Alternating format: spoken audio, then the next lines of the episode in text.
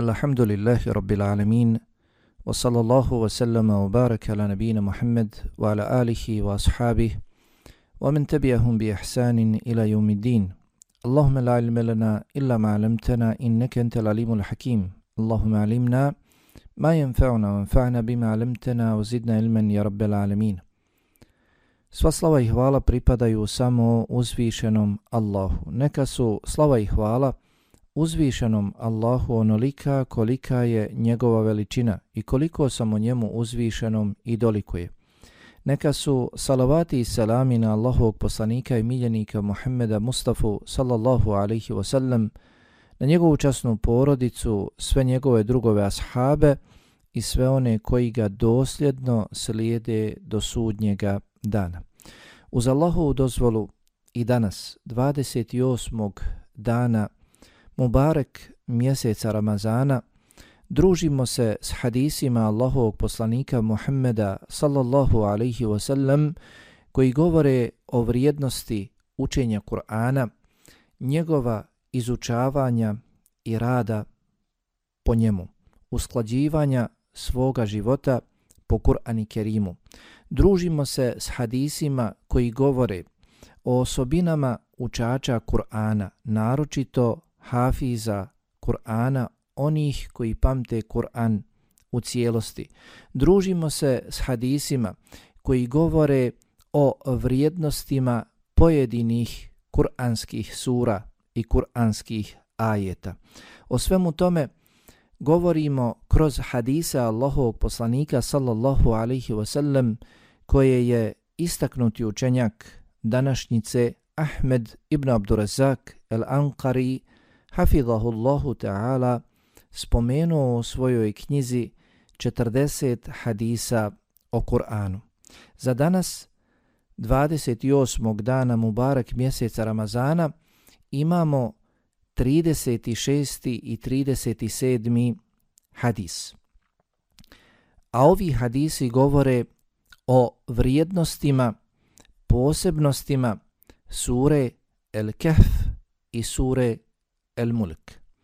Pa autor u 36. hadisu kaže A nebi drda radijallahu anh عن النبي صلى الله عليه وسلم قال من حفظ عشر آيات من أول سورة الكهف عصم من فتنة الدجال وفي رواية من حفظ من خواتيم سورة الكهف wa fi rivaje min ahiri el kehfi.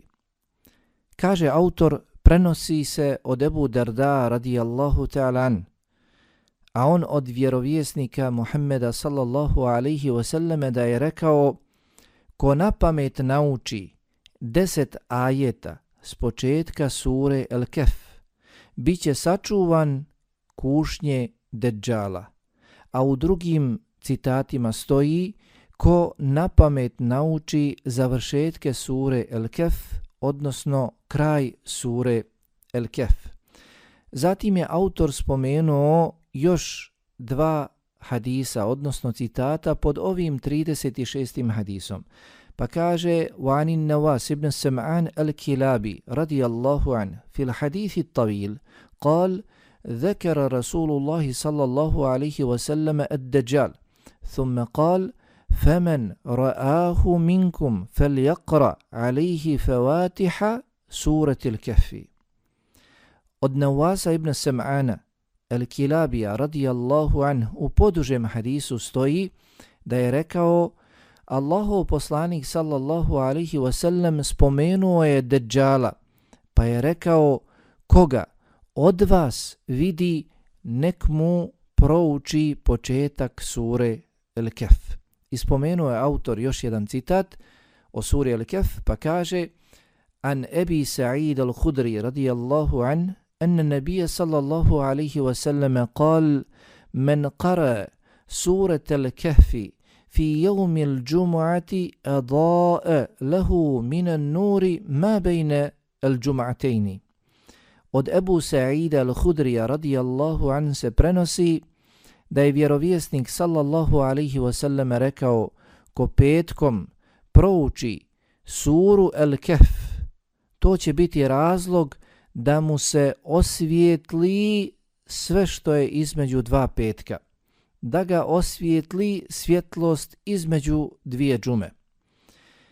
Autor Ahmed El-Anqari, hafidhahullahu ta'ala, dakle, govoreći o posebnostima sure El-Kef i njenim vrijednostima, značaju njenog učenja i pamćenja na pamet njenih ajeta, određenih ajeta ili u cijelosti sure El-Kef, kao što smo mogli čuti, spomenuo je tri citata, tri hadisa. Od Ebu Darda radijallahu ta'alan, od Nawasa ibn Sam'ana radijallahu ta'alan i od Ebu Sa'ida al-Hudrija radijallahu ta'alan. Sve su ovo plemeniti i posebni ashabi Allahovog poslanika alihi salatu wasalam. Ebu Darda radijallahu ta'alan je poseban ashab i poznat je po ovom svome nadimku. Rijetko je poznat po svome imenu. Ime mu je bilo Uvejmir ibn Amir ibn Qais. Rijetko se njegovo ime spominje. Bilo mu je ime Uvejmir ibn Amir ibn Qais. Kaže se da je primio islam na dan bitke na Bedru. Pa je učestvovao u narednoj bitci u bitci na Uhudu, a zatim i u svim kasnim bitkama. Allahov poslanik sallallahu alihi wasallam pobratimio ga je sa Selmanom radijallahu an. Ebu Darda bio je jedan od učenih ashaba Allahovog poslanika alihi salatu sam Bio je od onih koji su zapamtili Kur'an u cijelosti. Dakle, bio je hafiz Kur'an i Kerima. Također bio je od zahvalnih Allahovih robova skroman po pitanju Dunjaluka i bio je veliki borac na Allahovom putu. Uzvišeni Allah ga je odlikovao mudrošću za vrijeme hilafeta Osmana radijallahu talan preuzeo je Kadiluk, sudstvo u Damasku gdje je i umro 32. godine po hijđri od Allahovog poslanika sallallahu alihi wasallam prenio je 179 hadisa. On nam u ovome hadisu spominje da je vjerovjesnik sallallahu alihi wasallam rekao ko nauči na pamet deset ajeta s početka sure El Kef, bit će sačuvan iskušenja Dejjala. I u drugom citatu stoji ko nauči s kraja sure El Kef, dakle deset ajeta, bit će sačuvan iskušenja Dejjala. Dakle, od posebnosti sure El Kef jeste da je ona štit od kušnje. I to kakve kušnje? Kušnje Deđala. Deđal jeste jedan od velikih predznaka sudnjeg dana. I to jedan od prvih predznaka, velikih predznaka sudnjeg dana. Deđal je stvorenje, čovjek kojeg je uzvišeni Allah stvorio i koje danas postoji. I kada dođe vakat, vrijeme njegove pojave uzvišeni Allah će dati da se on pojavi i da će mu mnoge nadnaravne stvari. Taj Dejjal prije svega pozivaće da je on vjerovjesnik, a znajmo, budimo ubijeđeni da nakon Muhammeda sallallahu alaihi wasallam nema vjerovjesnika niti poslanika. Nema. Muhammed alaihi salatu wasalam koji je poslan nama, on je zadnji poslanik, Hotemul Enbiya, zadnji vjerovjesnik, pečat, onaj s kim je zapečaćeno poslanstvo i vjerovjesništvo.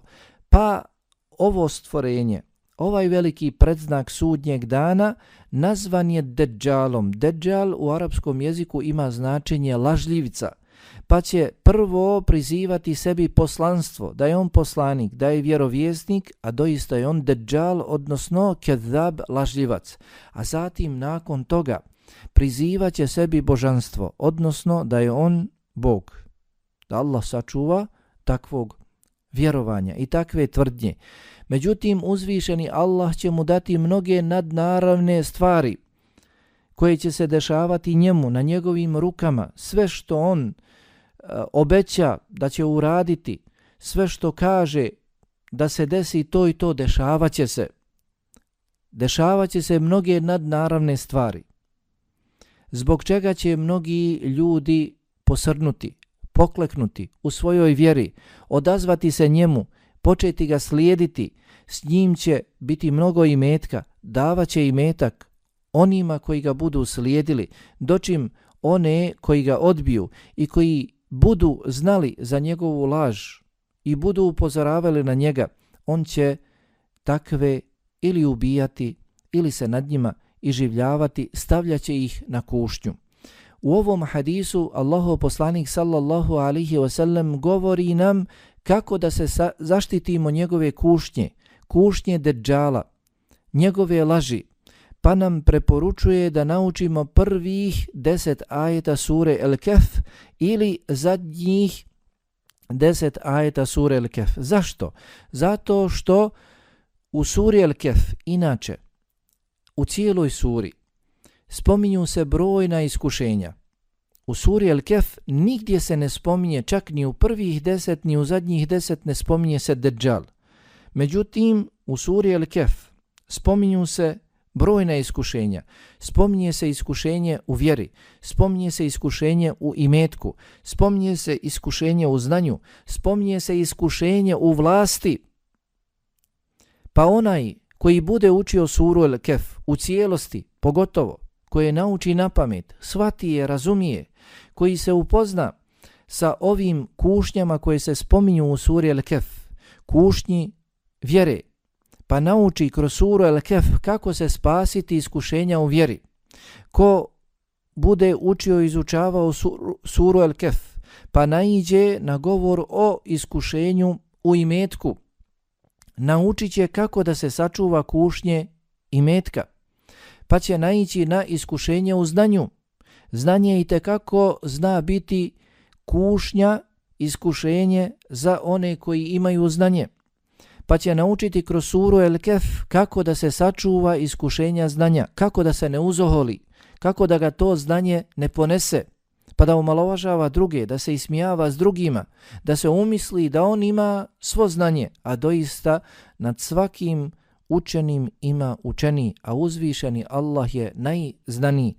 Najiće u suri El Kef na govor o kušnji vlasti, o iskušenju u vlasti, pa će naučiti kroz suru El Kef kako da se sačuva ukoliko dođe na neku poziciju, položaj, bude imao ovlast nad nekim ili nečim, kako da se sačuva iskušenja u vlasti. Pa onaj koji ukoliko i bude stavljen na ovakve kušnje u svome životu na Dunjaluku, bude iskušan znanjem, bude iskušan i metkom, bude iskušan vlasti, bude iskušan u vjeri i sve to prebrodi uz Allahovu dozvolu, učeći Allahovu knjigu Kur'an i Kerim, učeći suru El Kef, takav će uz Allahovu dozvolu, ukoliko i do, doživi, ukoliko doživi Deđala, sačuvati se Allahovom dozvolom kušnje Deđala, odnosno ostaće postojan u svojoj vjeri. Ostaće postojen u svojoj vjeri, u vjeri da je Muhammed sallallahu alihi wasallam Allahov rob, Allahov poslanik i pečat svih vjerovjesnika i poslanika i da je uzvišeni Allah jedini dostojan da se obožava. I niko drugi mimo njega nema istinskog božanstva mimo Allaha subhanahu wa ta'ala. A naročito ukoliko dobro nauči, razumije, shvati prvi deset ajeta sure Al-Kef ili zadnji deset ajeta u kojima se spominju određena Allahova znamenja, čudesa, koja može da da samo Allah subhanahu wa ta'ala.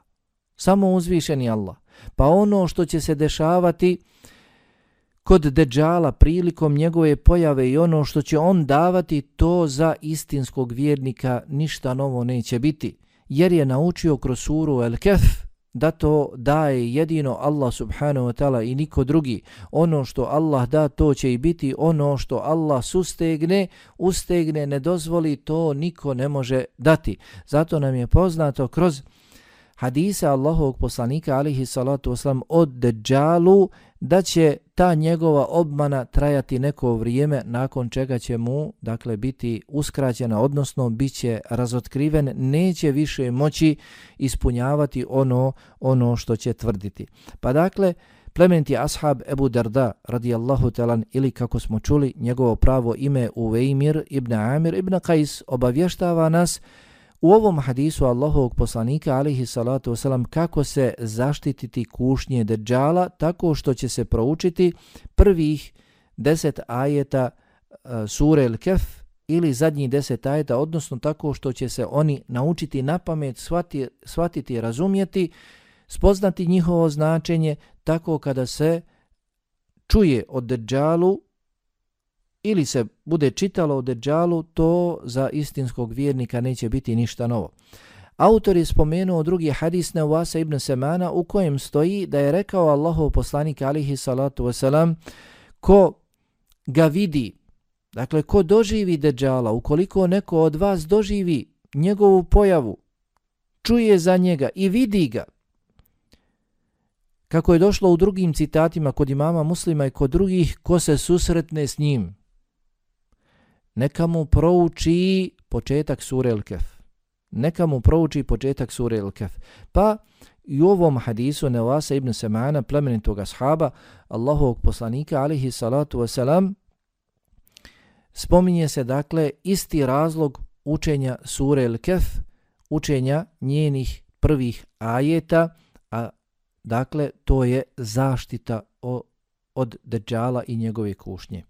I autor je spomenuo citat Ebu Sa'ida al-Hudrija radijallahu talan koji govori o drugome, dakle ne govori o kušnji Dejjala, već govori da onaj koji bude proučio suru El-Kef u danu džume, da će mu to učenje osvijetliti sve ono što će mu se dešavati između te i naredne te i naredne džume, odnosno da će on biti osvjetljen put kao dakle da će biti spreman za iskušenja koja mu se dese od te džume do naredne džume.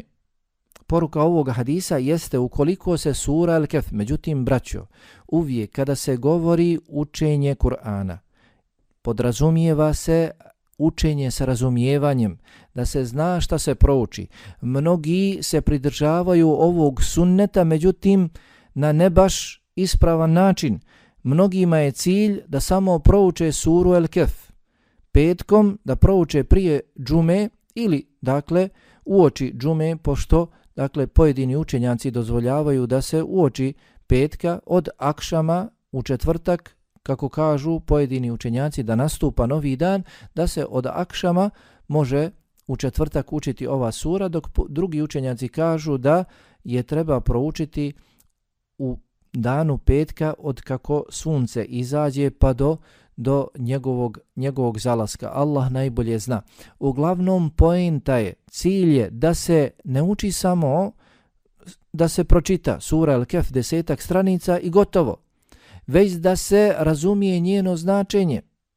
Samo ukoliko budemo učili suru El-Kef, kao i druge sure, s razumijevanjem, s razumijevanjem, s poznavanjem o čemu sura El-Kef govori, izlačenjem poruka i pouka, razmišljanjem o onome o čemu se govori u suri El-Kef, to će nam uz Allahu dozvolu pomoći da prebrodimo kušnje koje nas budu snalazile od tog petka kada proučimo na takav način suru El-Kef do narednog petka. Do narednog petka.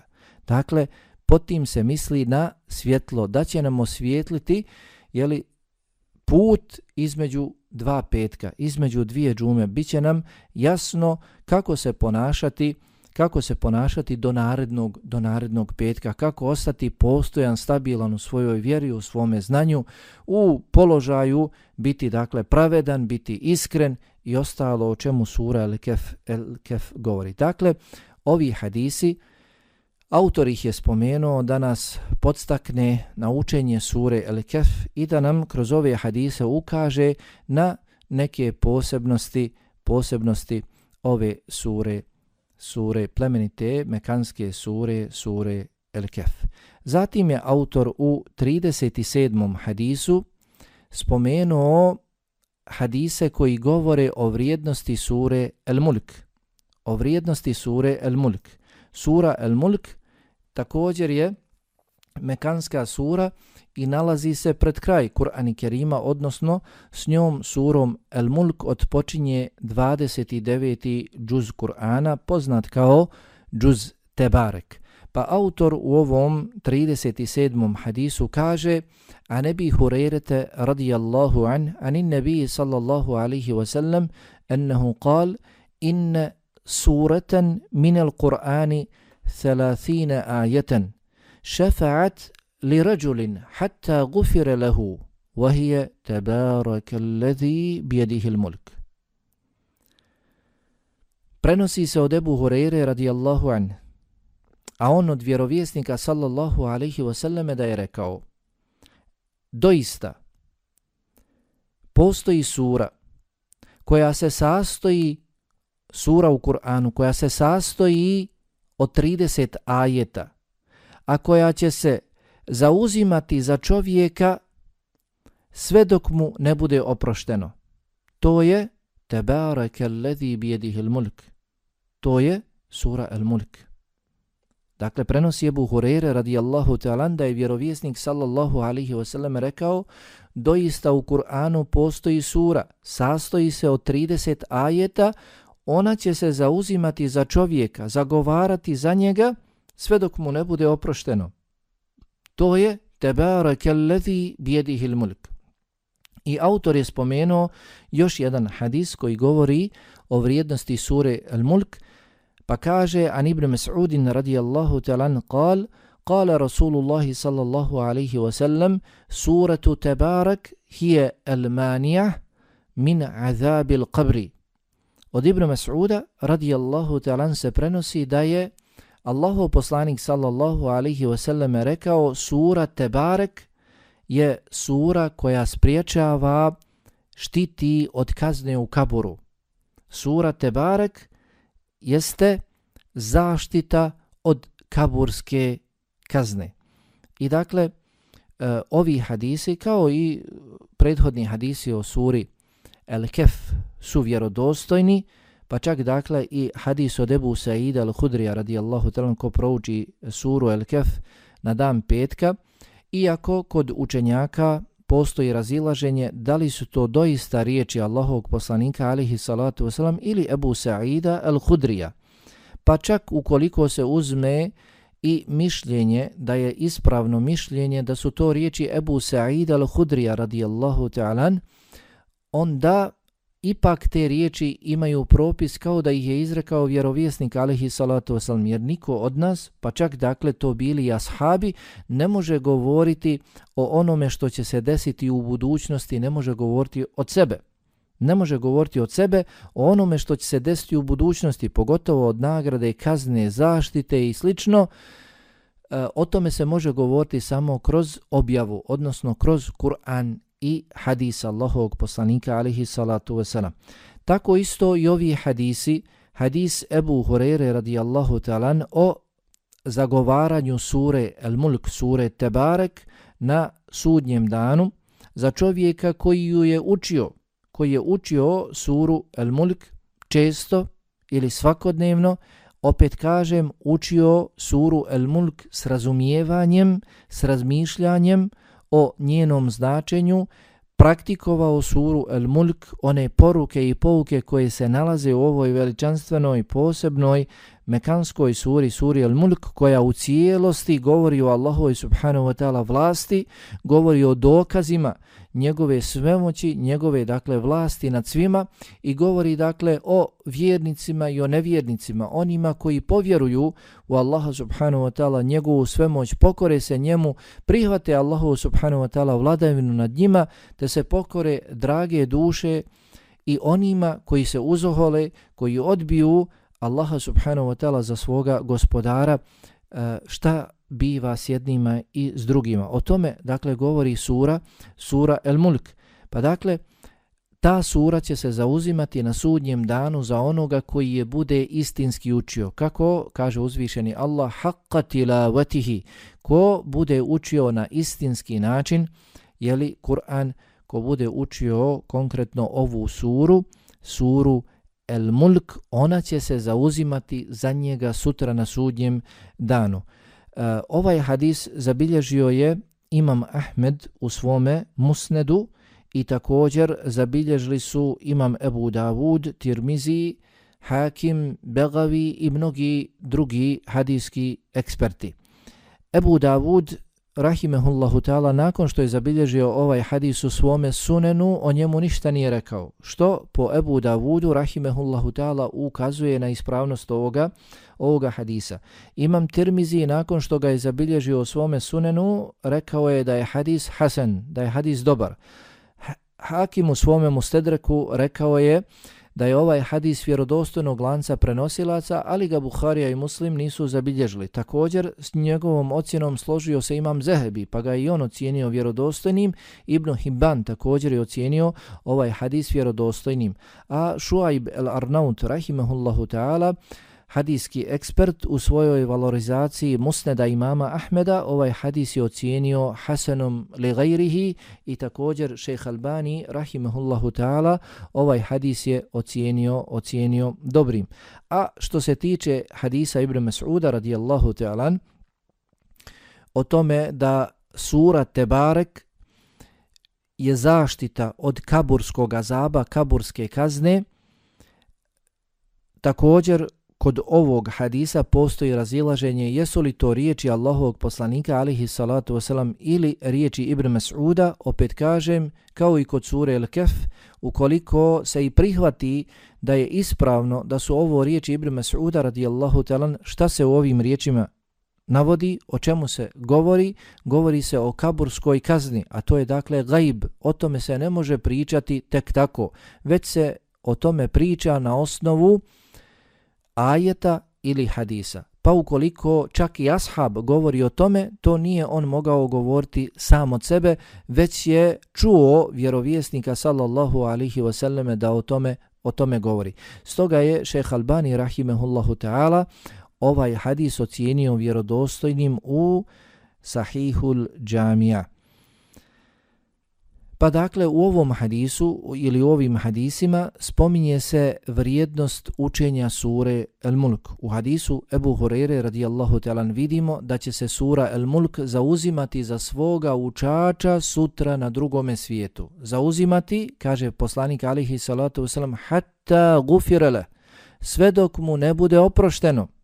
Dakle, zauzimat će se kod uzvišenog Allaha učenje sevapi od sure El Mulk i sura El Mulk uzvišeni Allah će pretvoriti je u lik, u čovjeka koji će se zauzimati kod Allaha subhanahu wa ta'ala za svoga sahibiju, za svoga kariju, svoga učača, sve dok mu ne bude oprošteno. Neće prestati zauzimati se za ovog istinskog vjernika, sljedbenika Kur'an i Kerima, sve dok mu ne budu oprošteni grijesi i dok mu se ne kaže, ne kaže uđi, uđi u džennet. I također vidimo o vrijednosti sure El Mulk i prije sudnjega dana.